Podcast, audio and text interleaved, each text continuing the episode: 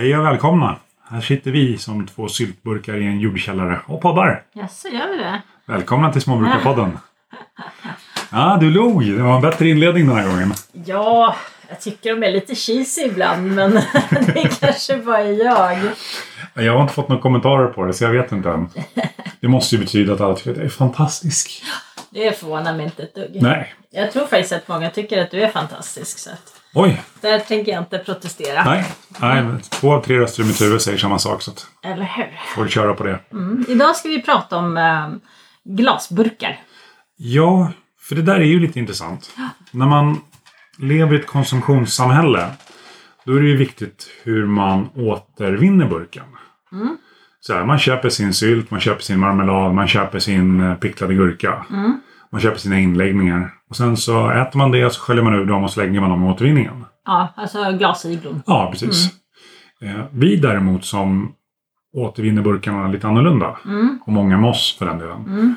Det vill säga att man tar de här glasburkarna som man har haft inläggningar i. Och så vill man få bort etiketten och så vill man lägga in någonting. Eh, och de har lagt ner massa jobb på att koka en chilisås eller pickla gurka eller vad det nu må vara. Och sen så när man försöker få bort etiketten på de här burkarna. Så blir det bara klägg. Ja. Alltså vissa burkar lossnar den ju föredömligt lätt på. Mm. Jag tog en sån här krakus picklad gurka och la ner den i lite ljummet vatten en halvtimme och hela etiketten bara trillade av. Det var inte Ja. ett spår av klister efteråt. Det var helt fantastiskt. Det var bara att diska och så var den klar liksom. Ja, just det. Och sen så tar man eh, någon annan burk från Önos eller någonting till exempel och så stoppar man ner den och det spelar ingen roll om det ligger flera dagar i vatten, det spelar ingen roll om du kokar i några timmar. Vad den gör, jag har ju till och med provat med sådana här limborttagningsmedel. Ja, just det. Typ såhär label off och... Label off från Biltema har vi provat och lite annat. Jag har Mm. provat med sådant som jag läst att man kan använda så här kemiskt ren bensin och sådant. Och jag har stått med någon spackelskrapa och Alltså på en del burkar så det går inte att få bort limresterna hur jag än försöker. Så Nej. sitter de kvar. Och ibland är det inte bara limrester, ibland är det delar av etiketten också som sitter kvar. Ja, precis. Och då tänker ju där, vän av ordning, men hur farligt är det då? Låt det vara liksom. Men jag vägrar när jag har gjort någon, alltså om jag vill sen ställa fram min hemgjorda hjortronsylt på bordet och bjuda någon på en pannkaka eller våffla eller någonting så tycker jag det är jättetråkigt med restetiketter på burkarna. Mm. Eh, och då blir det ju så istället att då slänger jag den där burken i återvinningen i alla fall och så går jag och köper mig en snygg burk och Ja, stoppar precis. Och det är, då är det liksom dubblat konsumtionen helt plötsligt för någonting som egentligen skulle vara ganska lätt. Ja, jag förstår liksom inte varför det ska vara så svårt att tillverka burkar där etiketterna alltid lossnar enkelt. För att alla locken har ju tryck på sig. Ja. Så att om det är varumärket man vill bära fram så spelar det ju ingen roll. För på burkens lock står det Önos eller ICA eller Krakus. Ja. Alltså det, det är ju så på alla burkarnas lock.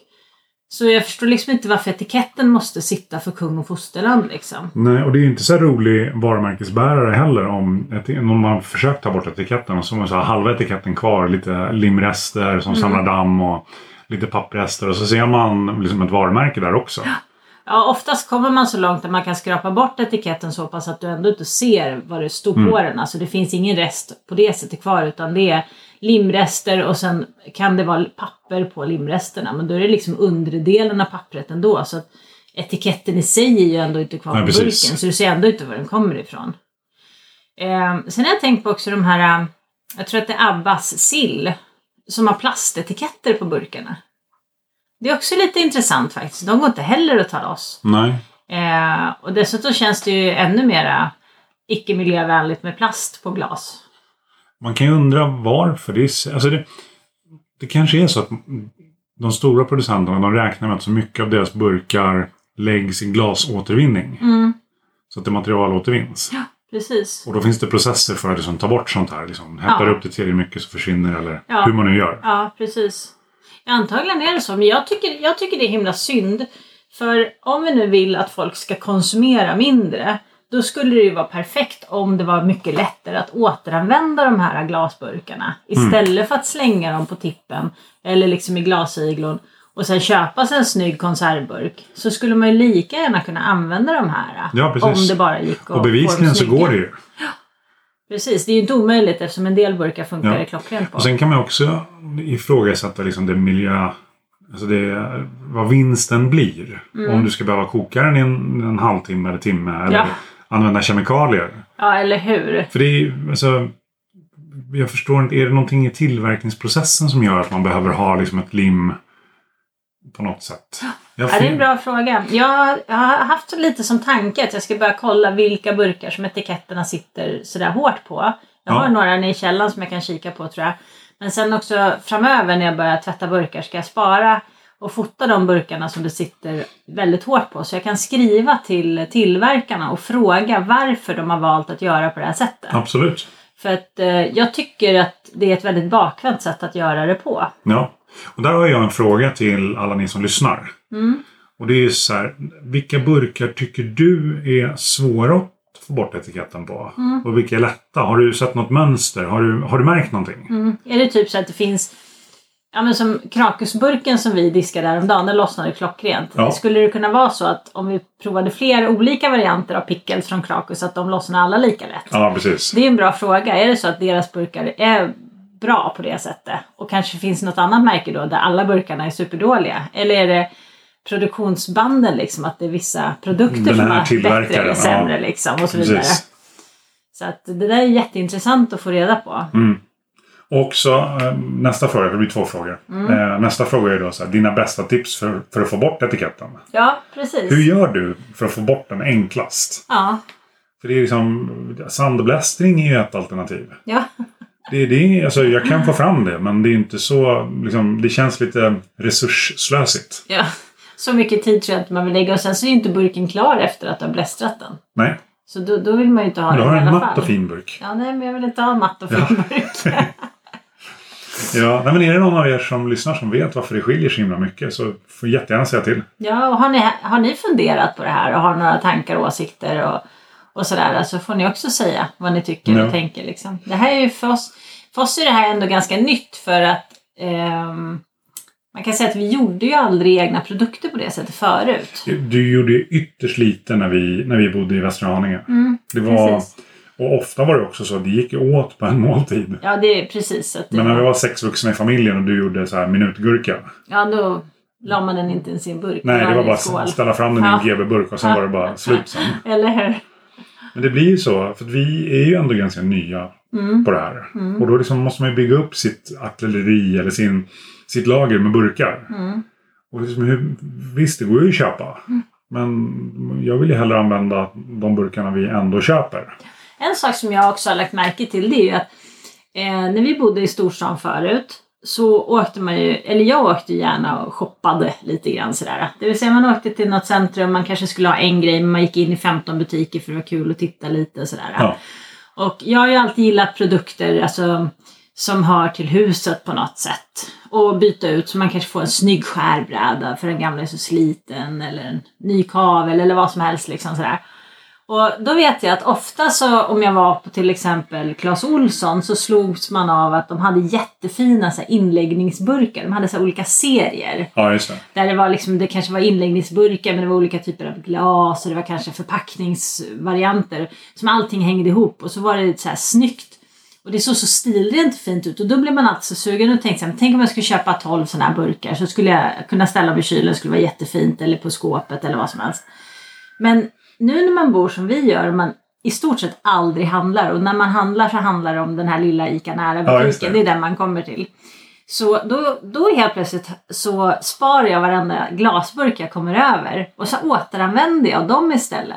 Här finns det inget tänk på att glasburkarna ska se likadana ut för jag möts inte av den här inspirationen hela tiden. Nej.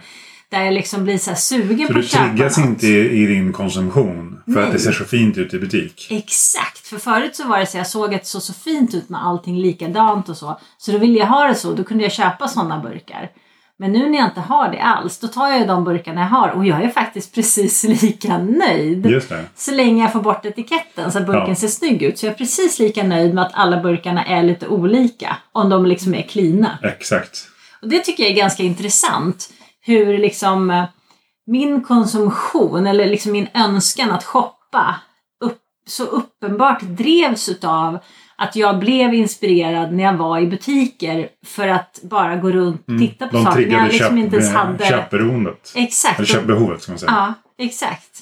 Och det har, jag inte, det, har, det har liksom slagit mig sista tiden när jag har hållit på och diskat de här burkarna. Typ när vi har gjort slut på någonting och tänkt att den här stora burken den kommer bli jättebra om jag ska göra sylt. Den blir perfekt i storlek. Så här. Och då bara, men gud, varför har jag inte tänkt att jag skulle kunna köpa burkar? Så bara, nej, det känns ju Ja, onödigt. så här. precis. Så det, det är lite intressant att se hur, liksom, hur man ändå har triggats av butikerna fast man kanske inte har känt sig så påverkad i stunden. Nej, faktiskt. Ja, men det är ju så här, heminredningsbutiker finns ju inte här överhuvudtaget. Nej. Det är, alltså det är lite roligt. Vi har ju en ICA-butik inne i byn. Ja. Och så vad är det, tre eller fyra second hand-butiker. Ja, alltså loppisar. Ja, loppisar. Ja, precis. Det, är- det är ju intressant i sig. Ja, precis. Och Och jag, loppisar finns ju överallt här. precis. Det, och det är väl lite sådär kan jag tycka att ehm, jag pratade ju med hon som vi träffade som var turistutvecklare. Ja, Eh, Ja. Och hon sa ju också det att hon tyckte det var lite tråkigt när det blev för många loppisar för att precis som, som jag upplever så blir det mera skräp på loppisarna när det finns hur många som helst. Att man vill kanske fokusera det till att ha några färre så, som blir lite kvalitativa än att ha för många. Men det är väldigt lätt att det blir loppisar i, i liksom tomma lokaler och det såg vi faktiskt lite tyckte jag i Västra Haninge också att det dök. ja precis. Det är väldigt lätt av någon anledning att liksom starta en loppis i en nedlagd butikslokal. Precis. Eh, så vi pratade ju om, för hon ville ju jättegärna ha någon form av butik där man kunde köpa lokala produkter. Alltså allt från lokal mat till lokala hantverk. Mm. Och en sån butik hade ju gjort sig väldigt bra inne i byn såklart. Ja, det hade ju varit faktiskt. fantastiskt. Eh, nu är det ju absolut, det kan ju vara lite roligt med tre loppisar och faktum är att åtminstone två av dem har ju lite olika fokus eftersom de funkar på lite olika sätt i Ja, försäljningen. definitivt. Så jag säger inte att det är fel på just dem, men, men det är lite så här, man vill inte ha för många heller, för då blir det liksom automatiskt en väldigt låg kvalitet. Jag ser i alla fall en relation när jag tittar på produkten, att det blir tråkigare och lite sämre produkter när det blir för många loppisar. Att sätter man ihop det till att man har lite mindre yta så kommer de här lite finare produkterna fram som man kanske egentligen mer är ute efter. Ja, kanske det. Så, men, Med det sagt så har jag fortfarande, fortfarande inte hittat något eh, liebryne. nej, faktiskt inte. Det är lite intressant. Eh, Men jag tänkte att vi har ju faktiskt en hem, heminredningsbutik i vårt lilla varuhus. Vi har ju ett varuhus inne i Ramsele. Det är sant. Mm. Och de har lite heminredning. Ja. Eh, Hem och fritid de är har, ju... Det är intressant att kalla det för varuhus, men Men de gör ju de det har själva. mycket grejer. Ja. Ja. Så att eh, vill man köpa en, en snygg liten vas eller en liten sån här ljustak eller någonting så då finns det nog någonting sånt där att hitta. Ja, faktiskt. Lite presenter och lite kläder och sånt. Så ja. där kan man hitta det mesta. Ja, men så är det. Så, ehm, lite feedback på burkar skulle vi gärna ha. Ja, faktiskt. Det vore bra. Hur tänker ni? Hur gör ni? Hur ser ni på att återanvända burkar? Slänger Ja. ni dem i glasigloon eller eller är ni så här människor som fortfarande slänger dem i soporna? Ja, vågar någon erkänna att man slänger glasburkar i soporna? Ja, vet faktiskt inte. Jag har ju gjort det någon gång ibland. Speciellt om det är en väldigt liten glasburk. Du vet en sån här typ som man får kaviar i eller något Ja, sånt. Och eh, det har råkat bara liksom i misstag åka ner. Och varje gång har jag lite dåligt samvete. Ja, sopskam. Mm, faktiskt. Så eh, nej. Bajsing, bajsing. Men till och med här så är det så att allt glas kör vi in till återvinningen och stoppar i en iglo. Mm, definitivt. Så. Så är det. Ja, Mm. jag kom på nu att vi borde lasta en släpkärra full och köra in till återvinningen med skräp. Ja, men vi har det på vår städdagslista. Vi har, ju, vi har ju sagt att vi ska ha en städdag, en städvecka eller möjligtvis en städmånad beroende på hur mycket städande vi behöver göra. Exakt. Det har vi inte riktigt definierat Jag har än. inte kommit så långt än. Eh, och på den listan så står det ju några turer till återvinningen. Jag har ju börjat samla liksom återvinningsskräp, eller jag. Nej men sånt som ska i container. Eh, på lite olika platser så finns det Ja. lite högar med saker som ska Precis. tillbaka till, till eh, soporna. Ja, Mm. så är det. Ja, nej, vi får nog gå ut i solen och leta efter saker att göra. Ja, jag tror det. Så blir det. Ha det bra. Ja, hejdå. Hej då!